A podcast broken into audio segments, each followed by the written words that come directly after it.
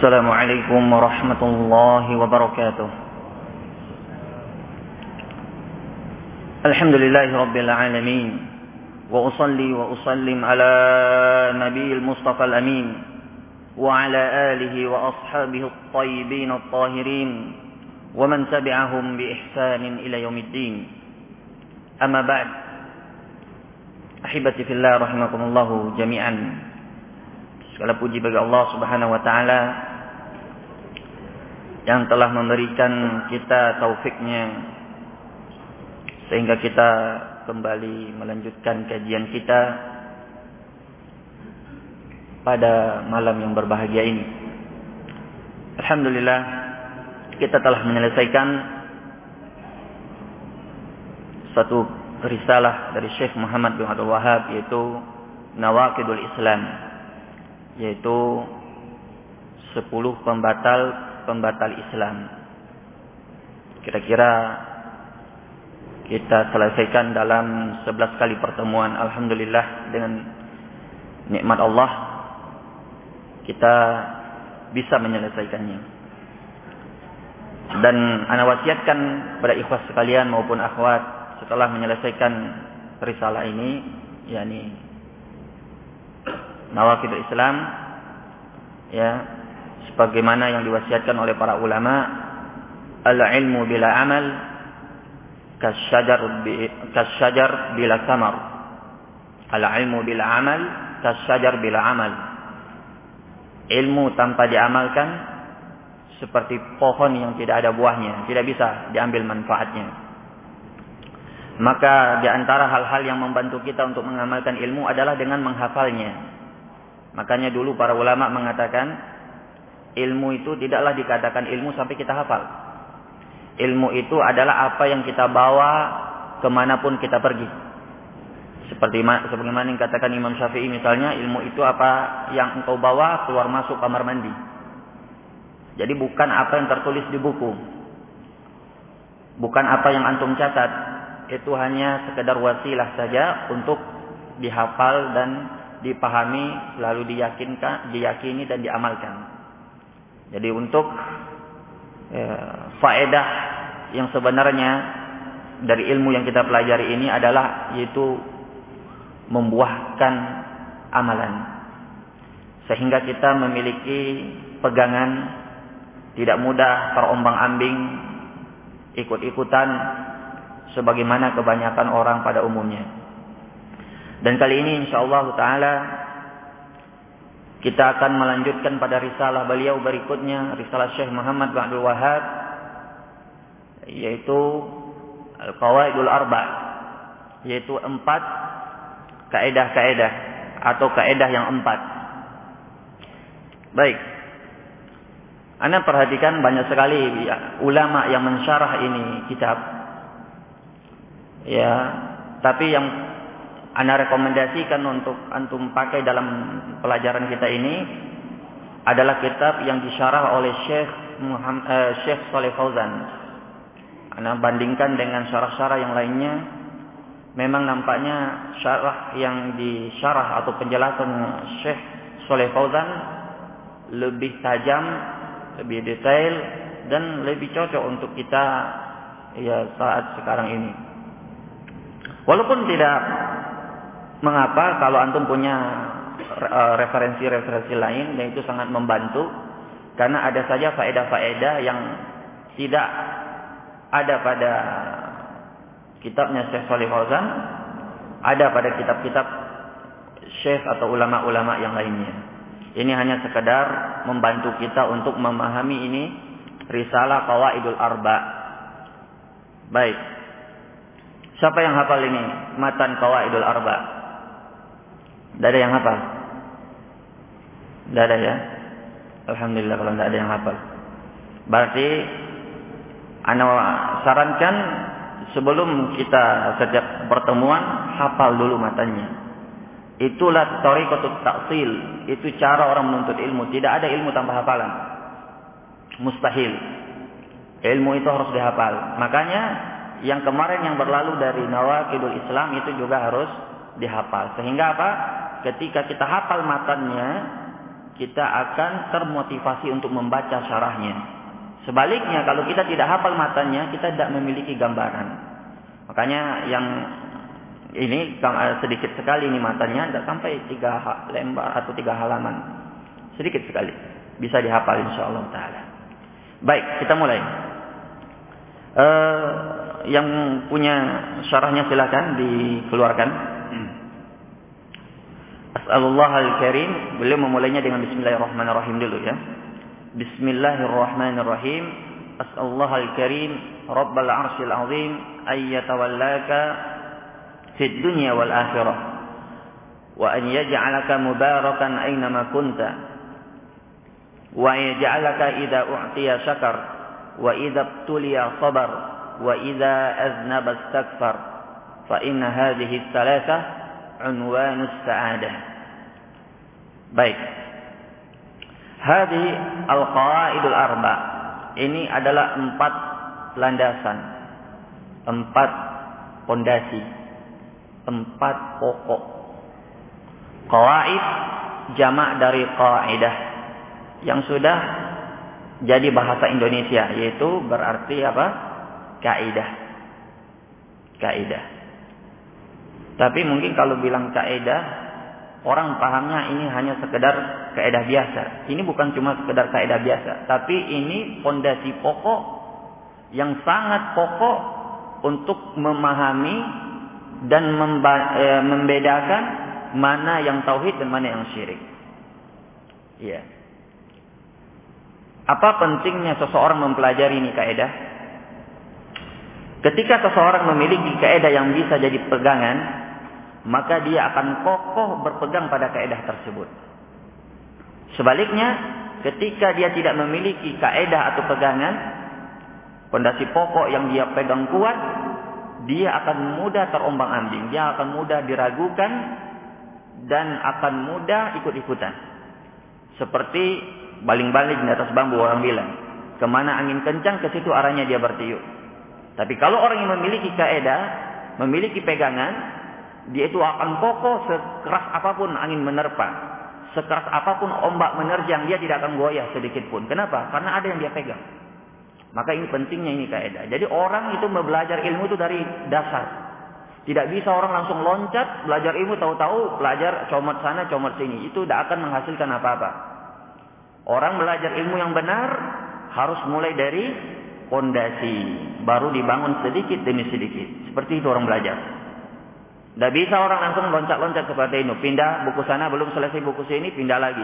Belum selesai ini, pindah lagi ke sini. Itu tidak menghasilkan apa-apa. Baik.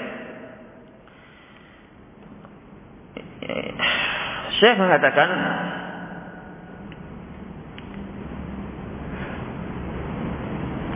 وما هي القاعدة في التوحيد وما هي القاعدة في الشرك Lianna katsirun minan nasi yatakhabbatuna fi hadzainil amrayn. Yatakhabbatuna fi makna tauhid ma huwa wa yatakhabbatuna fi makna syirk kullu yufassiru ala ma hasaba hawa. Dia mengatakan bahwa kaidah ini fungsinya adalah untuk memahami dengan benar mana yang tauhid dan mana yang syirik. Ya, kaidah yang empat ini kalau dipahami dengan benar, dengan baik, kita akan bisa memahami dengan baik mana yang tauhid dan mana yang syirik. Kata beliau, karena kebanyakan manusia masih banyak yang kebingungan, tidak tahu membedakan mana yang termasuk tauhid dan mana yang termasuk ke dalam syirik. Nah ini pentingnya ini kaidah subhanallah. Baik.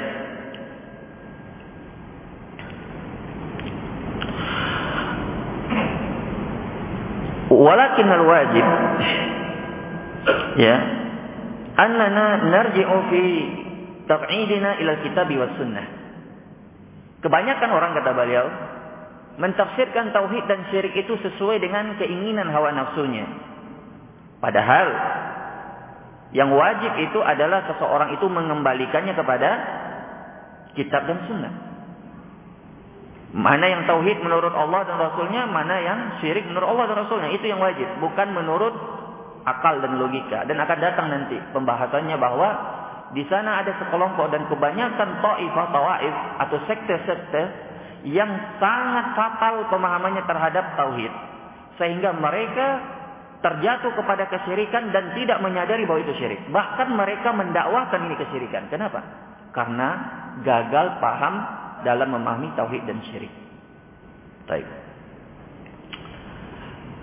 Uh, beliau mengatakan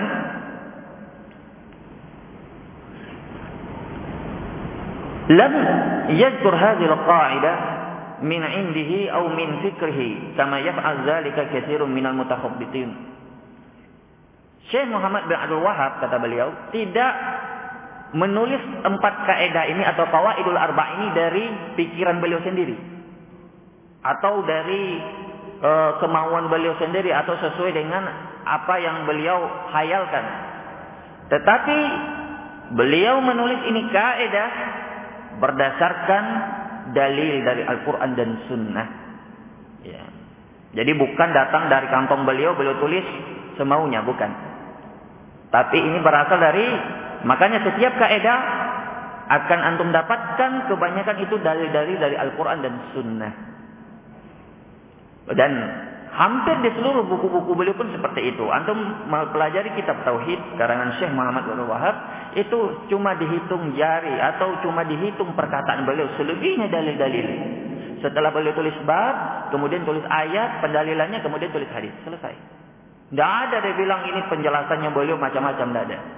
Makanya banyak orang yang membenci dulu dakwah beliau Syekh Muhammad bin Wahab ini dan sampai sekarang pun masih banyak. Ya, Antum mungkin sering dengar istilah Wahabi ya. Nah, itu di antara pembenci-pembenci beliau. Dari dulu itu.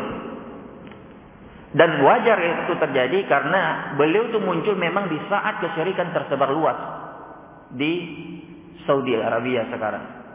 Berkat dakwah beliau lah negara Saudi sekarang itu bisa menjadi negara tauhid.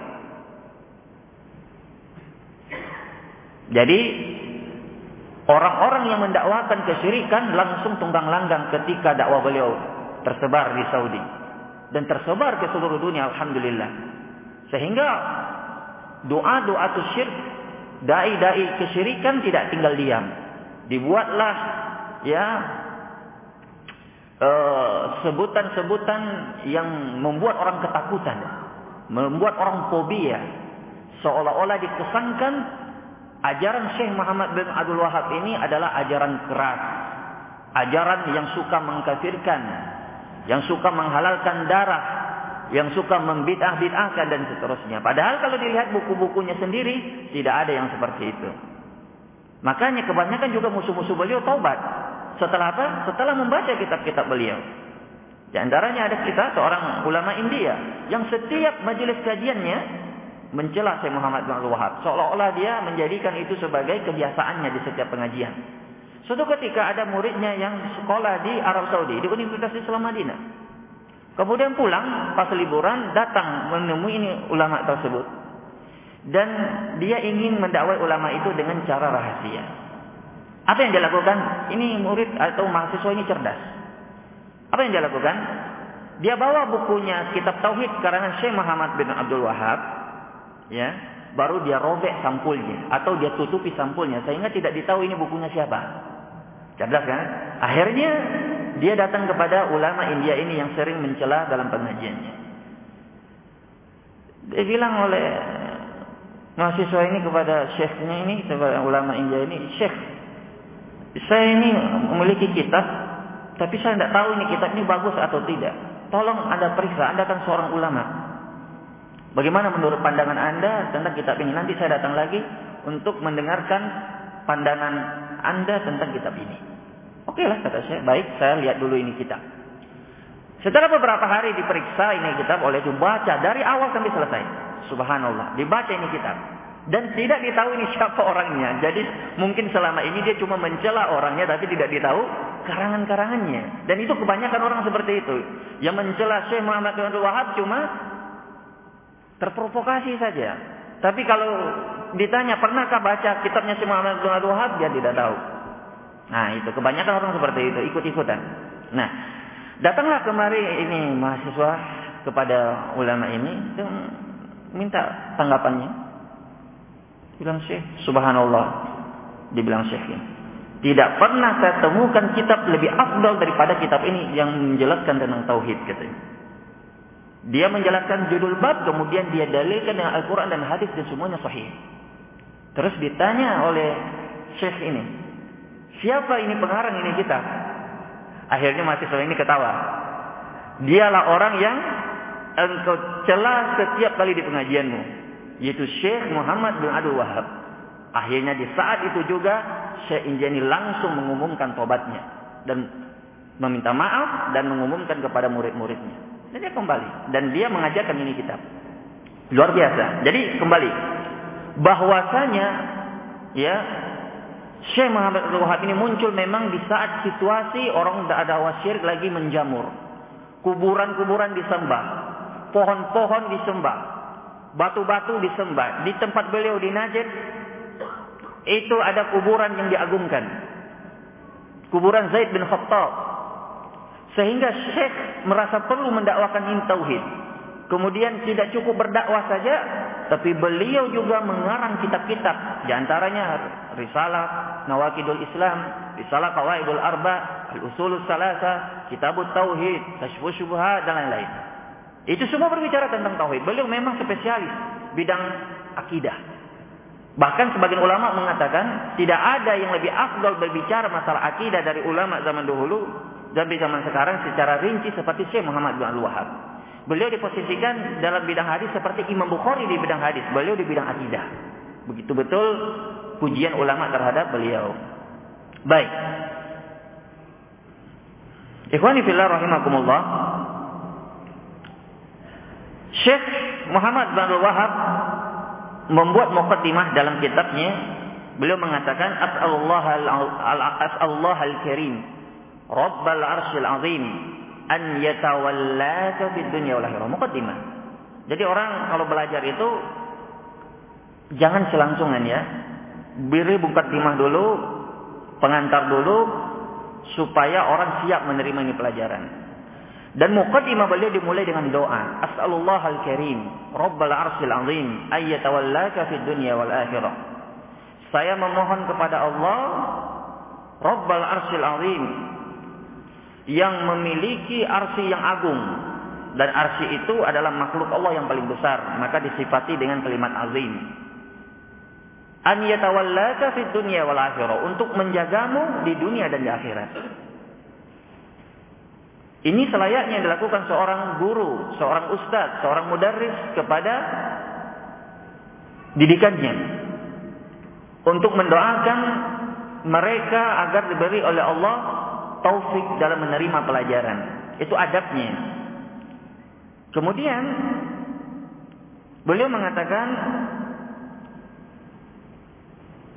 wa an yaj'alaka mubarakan aina ma kunta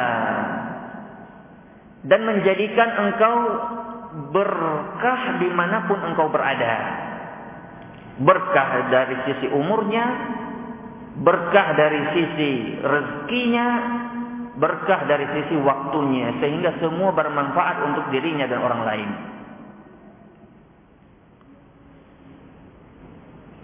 Wa ayyaj'alaka mimman idza u'tiya syakar wa idza ibtuliya sabar wa idza aznaba istaghfar. Dan menjadikanmu menjadi orang-orang yang apabila diberi oleh Allah nikmat dia bersyukur. Dan apabila dia diuji oleh Allah dia bersabar. Dan apabila dia berdosa kepada Allah bermaksiat kepada Allah maka dia beristighfar. Fa inna hadhihi thalatha unwanu sa'adah. Maka sesungguhnya tiga tanda-tanda ini adalah tanda-tanda orang yang berbahagia yang pertama apa tadi iza ubtuliya iza iza ubtuliya sabar apabila dia diuji sabar seorang mukmin kalau dia diuji dia sabar. Ajaban di amri mukmin memang menakjubkan urusannya orang-orang beriman. Jika dia diuji sabar dan itu lebih baik baginya. Dan itu hanya terjadi pada orang beriman. Ya. Iya, pertama beliau mengurutkannya seperti ini. Wa iza iza u'tiya syakar itu yang pertama. Anak urut kembali lagi. Iza u'tiya syakar. Apabila diberi nikmat dia bersyukur. Baik. Apabila ya diberi nikmat dia bersyukur ya.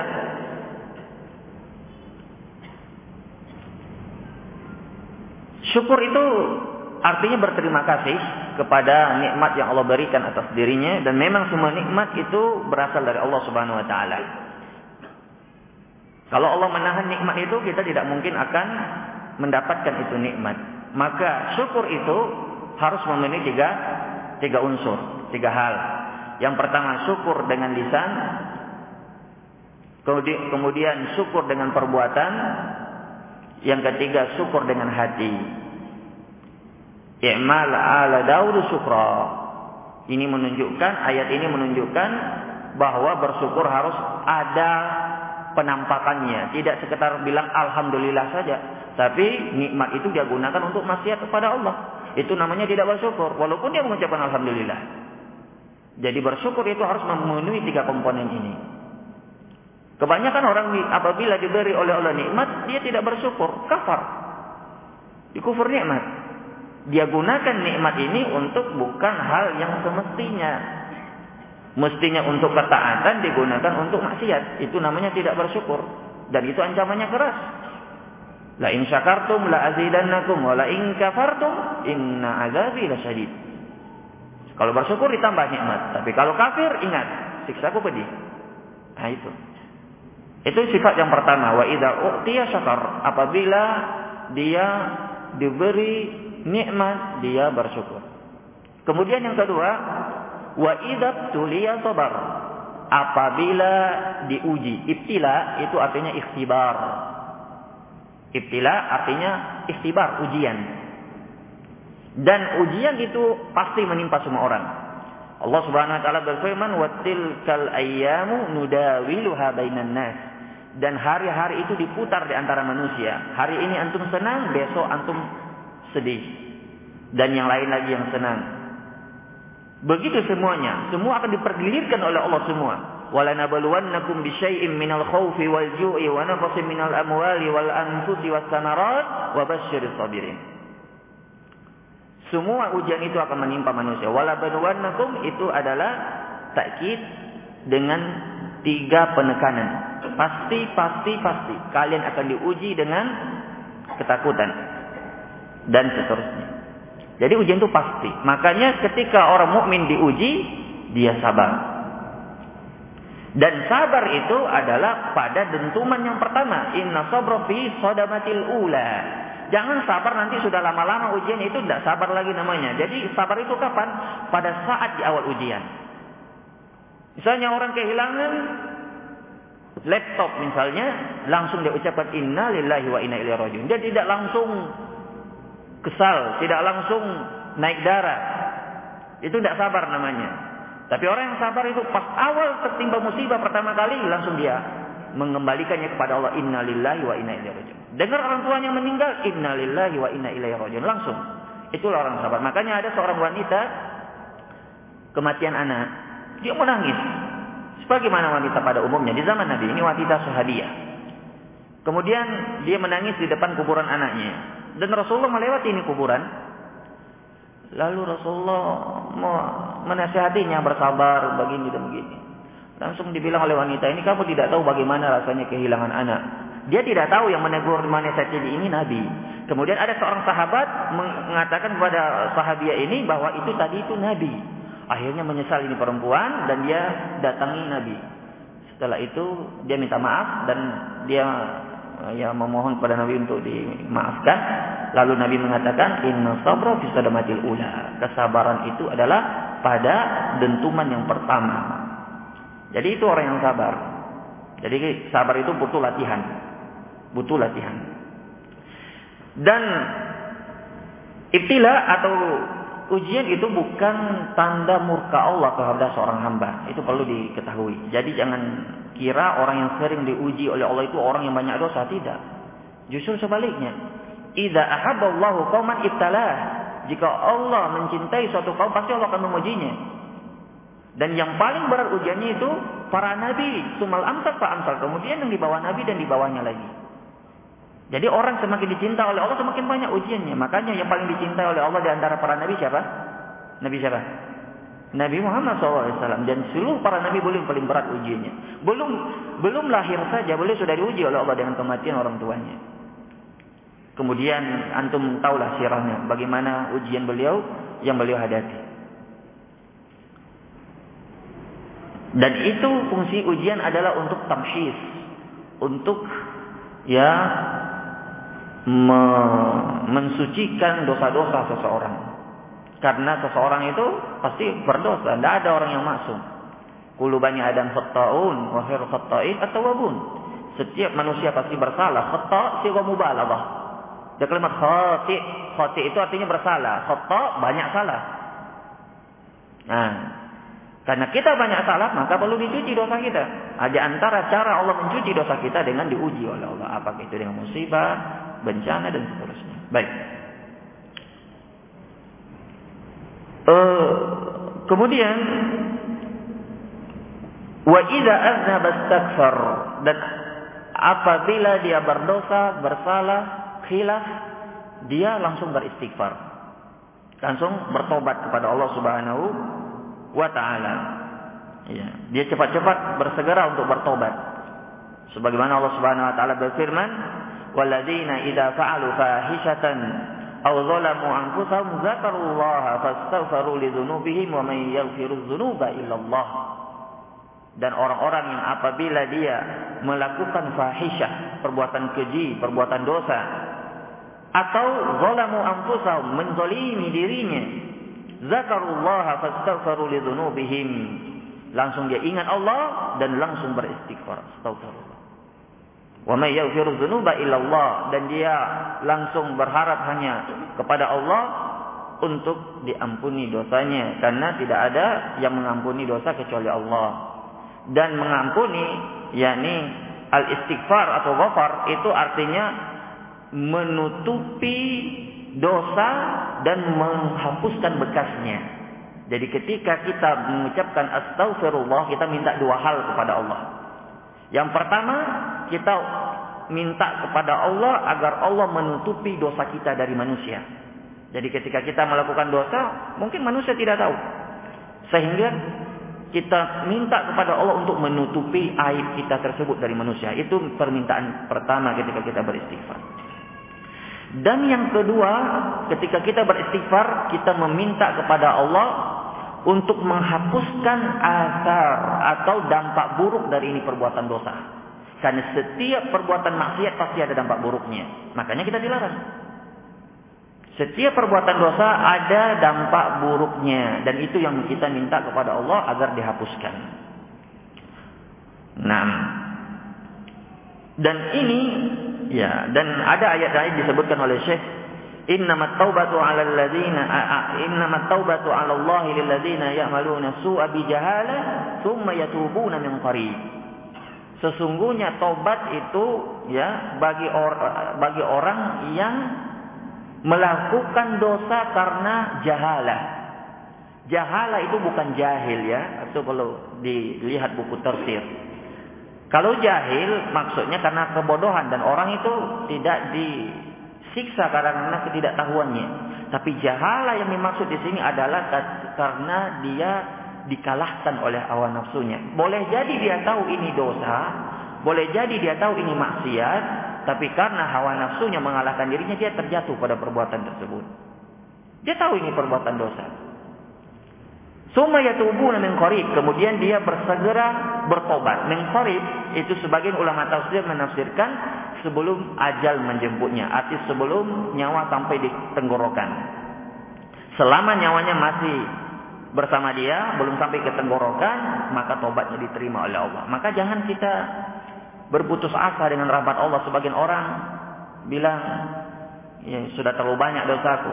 Mungkin tidak layak setiap saya bertobat jatuh lagi, tobat jatuh lagi. Kalau ada yang dibisiki oleh setan seperti itu langsung lawan. Katakan kepada hati Anda, bilang, katakan kepada hati antum bahwa Allah Maha Pengampun. Makanya sisi pendalilan dari hadis kullu bani Adam khata'un itu banyak berdosa lalu disambut dengan wa khairul khata'in at-tawwabun bukan at-taibun. At-tawwabun sigha mubalaghah dari at-taib. yakni orang yang banyak bertobat. Jadi ketika langsung berdosa dia langsung bertobat. Satu dosa di barengi satu tobat, dua dosa dibarengi dua tobat dan seterusnya. Karena kalau tidak dibarengi langsung dengan tobat itu akan tinggal itu dosa menjadi noda hitam di hati kita. Allah Subhanahu wa taala berfirman dalam surat uh, Al-Mutaffifin Allah Subhanahu wa taala berfirman kalla bal rana ala qulubihim ma kanu yaksibun. Sekali-kali tidak arron yaitu noda hitam yang ada di dalam hati mereka bima kanu yaksibun disebabkan apa yang mereka usahakan. Artinya dosa itu disebut dijelaskan ayat ini oleh hadis apabila dia tidak beristighfar menjadi satu noda hitam. Satu dosa. Coba hitung satu hari berapa dosa tak? Dosa mata, dosa telinga, dosa lidah, dosa hati. Coba hitung berapa banyak dosa tak satu hari satu malam. Itu akan menjadi noda hitam. Dan makanya seseorang ketika dia sadar langsung dia beristighfar. Jangan ditunda tobatnya. Maka khata'un at-tawwabun lawannya. Jadi ketika dia banyak berdosa, dia banyak juga bertobat. Jadi enam. Kemudian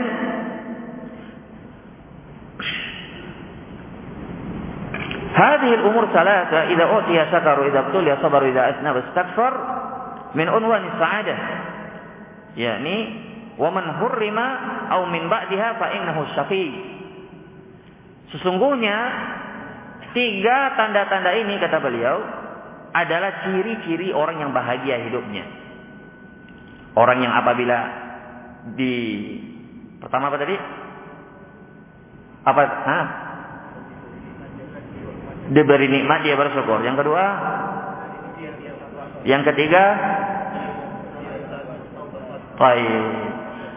Apabila orang memiliki tiga-tiga ini, apabila diberi nikmat bersyukur, apabila diuji dia bersabar, dan apabila dia berdosa dia beristighfar, maka dialah orang yang berbahagia hidupnya. Orang yang tenang hatinya. As-sa'adah itu artinya bahagia. Fa inna hadhihi salasa unwanu sa'adah. Ini tiga tanda orang yang berbahagia. Satu dari tiga ini tidak ada pada diri seseorang akan berkurang kebahagiaannya sesuai dengan kadar ini yang hilang. Jadi tiga tanda ini harus lengkap ada dalam diri kita kalau kita ingin menjadi bahagia. Kebahagiaan yang dicari oleh orang selama ini yang orang sering mencarinya pada harta, orang mencarinya pada kekuasaan, orang mencarinya pada dunia pada umumnya, mereka tidak akan temukan yang namanya bahagia. Karena di situ Allah tidak letakkan bahagia di situ. Kalaupun bahagia itu cuma bahagia semu dan cepat sekali hilangnya. Tapi kebahagiaan yang hakiki ada pada yang tiga ini. Apabila dia beristighfar, apabila dia diberi dia bersyukur, Ah, sehingga Allah tambah nikmatnya dan apabila dia diuji dia bersabar sehingga Allah angkat derajatnya dan apabila dia berdosa dia beristighfar sehingga Allah hapuskan dosanya. Kalau orang sudah seperti ini sudah ringan hidupnya, tidak ada beban. Baik. Itulah penjelasan maksud dari doa beliau ini terhadap kita yang mempelajari ini risalah. Baik. Kemudian Qala Syekh rahimahullah, yani Syekh Muhammad bin Wahab, "I'lam arsadaqallahu li ta'atih anna al-hanifiyyata millata Ibrahim an ta'budallaha mukhlishan lahu ad-din kama qala ta'ala wa ma khalaqatul jinna wal insa illa liya'budun." Baik. Qala Syekh rahimahullah taala, "I'lam arsadaqallahu li ta'atih." Ketahuilah semoga Allah memberimu hidayah jadi kita didoakan lagi. Ini doa dari Syekh rahimahullahu taala untuk orang yang mempelajari ilmu agama pada umumnya. I'lam arsyadakallah li ta'ati. Ta'ah atau taat itu artinya apa? Mengerjakan perintah dan menjauhi larangan. Itu artinya taat. Annal hanifiyyata millata Ibrahim. Bahwasanya agama yang hanif, agamanya Nabi Ibrahim. Hanif itu artinya secara bahasa mail atau muyul. Mail itu artinya condong atau menjauh. Menjauh dari syirik dan mendekat ke tauhid. Itulah agamanya Nabi Ibrahim. Berlepas diri dari syirik dan memegang tauhid. Harus ada dua ini. Nafi, isbat. Nafi tanpa isbat bukan orang yang bertauhid. Isbat tanpa nafi bukan orang yang bertauhid. Harus ada nafi dan isbat. Dia harus berlepas diri dari kesyirikan dan pelakunya. Itu baru dikatakan orang bertauhid. Wa idh qala Ibrahimu innani bara'a'u mimma ta'budun. Liqaum uh, wa idh qala Ibrahimu li abihi wa qaumihi innani bara'a'u mimma ta'budun illa zi fatarani. Ingatlah ketika Ibrahim berkata kepada bapaknya dan kaumnya, ini kerabat dekatnya. Apa katanya? Innani bura'a. Bura'a itu bari, yakni berlepas diri mimma ta'budun dari semua yang kalian sembah. Kemudian beliau mengisbat illa allazi fatarani, kecuali yang menciptakanku yaitu Allah. Dan ini juga yang terkandung dalam syahadat yang kita ucapkan. La ilaha illallah. Tidak ada sesembahan yang berhak kita nafikan semua sesembahan batil. Illallah. Kemudian kita isbat semua Allah satu-satunya yang berhak untuk disembah. Itulah tauhid. Jadi kalau seandainya ada orang yang mengakui Allah Tuhan saja itu belum bertauhid. Yang mengakui cuma Allah itu Tuhan, Abu Lahab juga mengakui Allah Tuhan. Abu Lahab mengakui Allah pencipta. Abu Lahab mengakui Allah yang menghidupkan dan mematikan dan memberi rezeki. Percaya tidak Abu Lahab mengakui itu? Abu Lahab itu tahu Abu Lahab. Kenapa? Abu Lahab itu orang kafir atau orang Islam? Orang kafir. Terus bagaimana dia mengakui Allah itu pencipta? Nah, orang kafir atau kaum musyrikin zaman jahiliyah dulu itu mengakui bahwa Allah pencipta. Makanya dinamakan mereka juga orang musyrik. Mempersekutukan Allah. Artinya mereka menyembah Allah. Tapi di samping menyembah Allah juga menyembah selain Allah. Makanya Syekh Muhammad bin Abdul Wahab mengatakan bahwa bi'sal qaum Abu Lahab a'lam minhu bila ilaha illallah. Alangkah jeleknya suatu kaum yang Abu Lahab lebih paham daripada mereka makna la ilaha illallah. Kenapa Abu Lahab lebih paham makna la ilaha illallah? Karena Abu, Abu Lahab paham bahwa yang dimaksud oleh Nabi dengan la ilaha illallah adalah dengan meninggalkan sesembahan dan ibadah kepada selain Allah. Makanya mereka menolak. Makanya mereka itu merasa heran dan merasa aneh dan memusuhi Nabi. Sampai-sampai mereka mengatakan yang diabadikan di dalam Al-Quran. Aja'alal alihata ilaha wahida. Inna hadha la syai'un ujab. Apakah Muhammad ini ingin menjadikan Tuhan-Tuhan yang banyak disembah ini menjadi Tuhan yang satu saja? Inna hadza la syai'un ujab. Ini benar-benar hal yang aneh. Ujab, aneh bin ajaib. Ini tidak masuk akal kata mereka. Makanya inilah rahasianya kenapa orang-orang kafir Quraisy, orang-orang musyrikin Mekah menolak la ilaha illallah. Sebagaimana antum tahu, Nabi pernah mengatakan kepada mereka, "Qulu la ilaha illallah tuflihu." Katakan la ilaha illallah kalian akan beruntung. Mereka terima apa mereka tolak? Mereka terima apa tolak? Mereka tolak. Andai kata mereka tahu yang dimaksud dengan la ilaha illallah tiada Tuhan selain Allah atau tiada pencipta selain Allah, pasti mereka langsung terima. Langsung Abu Lahab masuk Islam, langsung Abu Talib masuk Islam, langsung Abu Jahal masuk Islam. Kenapa? Karena sebelum Nabi diutus pun menjadi nabi, mereka dari awal sudah mengakui Allah itu Tuhan. Tidak ada mereka meyakini Lata itu pencipta. Uzza yang menghidupkan. Lata yang mematikan. Tidak ada. Tidak ada satupun keyakinan Abu Lahab, Abu Jahal maupun Abu Talib dan orang-orang musyrikin Mekah pada umumnya. Tidak ada. Mereka tidak meyakini hal tersebut. Tapi ya mereka sepakat dalam hal rububiyah mereka sepakat dengan Nabi bahwa Allah lah pencipta. Tapi apakah itu telah menjadikan mereka seorang muslim? Jawabannya tidak. Jadi di sinilah antum lihat fatalnya orang yang menafsirkan la ilaha illallah dengan tiada Tuhan selain Allah. Fatal. Sehingga mereka jatuh kepada kesyirikan tanpa mereka sadar. Karena kenapa? Bagi mereka dengan mengakui Allah pencipta itu sudah bertauhid. Walaupun dia untukkan ibadahnya pada selain Allah, bagi mereka itu tidak mengganggu tauhidnya mereka. Kapan mereka dianggap syirik? Bagi orang yang menafsirkan dengan tauhid rububiyah ini dengan mengatakan la ilaha illallah tiada Tuhan selain Allah. Kapan dianggap mereka ini batal tauhidnya? Kata mereka, kalau seseorang meyakini bahwa ada pencipta selain Allah baru dia dianggap kafir. Tapi kalau dia peruntukkan ibadahnya untuk selain Allah tidak dianggap kafir. Coba. Fatal apa tidak itu? Makanya dibilang saya tadi, buruknya ini suatu kaum yang Abu Lahab lebih paham mana la ilaha illallah daripada mereka. Makanya Abu Lahab gentle, tidak mau mengucapkan la ilaha illallah. Wa idza qila lahum la ilaha illallah yastakbirun. Apabila dikatakan kepada mereka la ilaha illallah, mereka langsung menyombongkan diri, tidak mau mereka. Kenapa? Paham maknanya. Orang zaman sekarang diucapkan la ilaha illallah puluhan kali sehari semalam yang sholatnya, tapi datang menyembah kepada selain Allah, menguntukkan ibadahnya untuk selain Allah, berdoa kepada selain Allah, bertawakal kepada selain Allah, percaya ilmu kebal, percaya dukun, percaya pada sihir dan seterusnya. Ini semua pembatal Islam yang telah berlalu dari kita.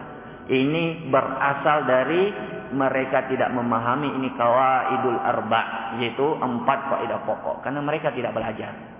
Kalau mereka pahami kaidah pokok berdasarkan ini bahwa kita tahu bahwa yang diselisih, yang ditentang oleh orang-orang musyrik zaman jahiliyah dulu itu apa? Tauhid rububiyah atau tauhid uluhiyah? Tauhid uluhiyah. Tauhid ibadah.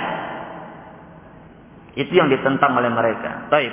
Jadi itulah yang dimaksud dengan Hanafiyah. Harus memenuhi dua rukun. Buro'a yaitu menafikan, berlepas diri dan mengisbat hanya Allah satu-satunya yang berhak untuk diibadahi. Inilah agamanya Nabi Ibrahim dan agamanya semua para nabi. Baik. Saya kira itu ya, uh, berapa menit lagi Isya? Hah? Tiga menit. Baik. Kita uh, lanjutkan sedikit uh, pendalilan beliau, ya mukhlisin lahuddin yani wa ma umiru illa liya'budullaha mukhlisina lahuddin dan manusia tidak diperintahkan kecuali untuk mengikhlaskan agama hanya kepada Allah. Kemudian Syekh Muhammad bin Abdul Wahab berdalil dengan ayat yang populer dalam kitab-kitab tauhid, "Wa ma khalaqatul jinna wal insa illa liya'budun." Dan tidaklah aku menciptakan jin dan manusia kata Allah illa liya'budun, kecuali untuk beribadah kepadaku. Asalnya itu liya'buduni. Lam dalam kalimat liya'buduni itu kata para ulama itu lamul hikmah. yakni hikmah penciptaan manusia yaitu untuk beribadah kepada Allah. Kalau ulama nahu, ulama nahu mengatakannya lamut ta'lil, yaitu lam penyebab. Apa sebabnya manusia diciptakan? Untuk beribadah. Itu maksudnya. Wa ma khalaqatul jinna wal insa illa liya'budun. Dan tidaklah aku menciptakan jin dan manusia hikmahnya adalah untuk beribadah kepadaku. Nah, dan akan datang nanti insya Allah pada pertemuan berikutnya kita akan jelaskan bahwa ibadah la tusama ibadatan illa ma'at tauhid kama anna salata la tusama salatan illa ma'at taharah. Idza dakhala syirku fil ibadah afsadaha kama anna salata idza idza dakhala hadas fi taharah afsada. Ibadah itu tidak dinamakan ibadah kecuali jika dibarengi dengan tauhid. Sebagaimana halnya salat tidak sah itu salat kecuali jika dibarengi dengan bersuci atau tohara. Apabila masuk syirik dalam ibadah, maka syirik itu akan merusak ini ibadah. Sebagaimana apabila hadas masuk ke dalam tohara, dia akan merusak itu tohara, membatalkan itu tohara. Dan itu akan kita rinci nanti pertemuan berikutnya. Maka di sini diingatkan bahwa perlu mendalilkan bahwa bahwa anal hanafiyah millata Ibrahim bahwasanya agama yang hanif, agama yang dibawa oleh Nabi Ibrahim adalah agama tauhid agama yang menyeru kepada ibadah hanya kepada Allah semata. Yang mana para ulama dari ini menyebutkan bahwa ibadah tidaklah dinamakan ibadah kecuali memenuhi dua syarat. Yang pertama yaitu apa? Ikhlasulillah, yaitu ikhlas kepada Allah. Yang kedua, al-mutaba'ah li Rasulillah, yaitu mengikuti tuntunan Rasulullah. Dan dalam syarat ini manusia terbagi menjadi empat golongan. Tiga golongan tertolak dan cuma satu golongan saja yang diterima. Ada manusia yang ikhlas dan mutabaah. Ini inilah yang diterima oleh Allah. Ikhlas dan sesuai dengan tata cara yang diajarkan Rasulullah. Ini golongan yang pertama dan ini diterima. Golongan yang kedua tidak ikhlas dan tidak mutabaah. Dia melakukan sendiri sesuai dengan hawa nafsunya, ditambah lagi dengan riaknya, ditambah lagi dengan tidak mengikuti tuntunan Rasulnya. Ini jelas tidak diterima. Dan ini seburuk-buruk makhluk di sisi Allah. Kemudian golongan yang ketiga yaitu ikhlas tapi tidak mutabah. Kalau ikhlas tapi tidak sesuai dengan tuntunan Rasulullah apa namanya? Bid'ah. Bid'ah ditolak atau diterima? Man ahdatsa fi amrina hadza ma laysa minhu fahuwa rad. Siapa yang membuat perkara baru dalam agama maka dia tertolak. Man amila amalan laisa alaihi amruna fahuwa rad. Dan itu ma'ruf bagi antum semua. Kemudian terakhir siapa? Ikhlas tapi tidak mutaba'ah. Yang terakhir apa? Sesuai dengan tuntunan Rasulullah secara zahir tapi tidak tidak ikhlas. Apa namanya? Ria, syirik. Jadi amalan walaupun secara zahirnya sesuai dengan tuntunan yang diajarkan Rasulullah. Dia salat sesuai dengan tuntunan Nabi. Dia berpenampilan sesuai dengan diajarkan oleh Nabi. Hah? Tapi dalam hatinya ada niat busuk. Ada niat jelek. Ingin dipuji oleh manusia. Ingin dibilang.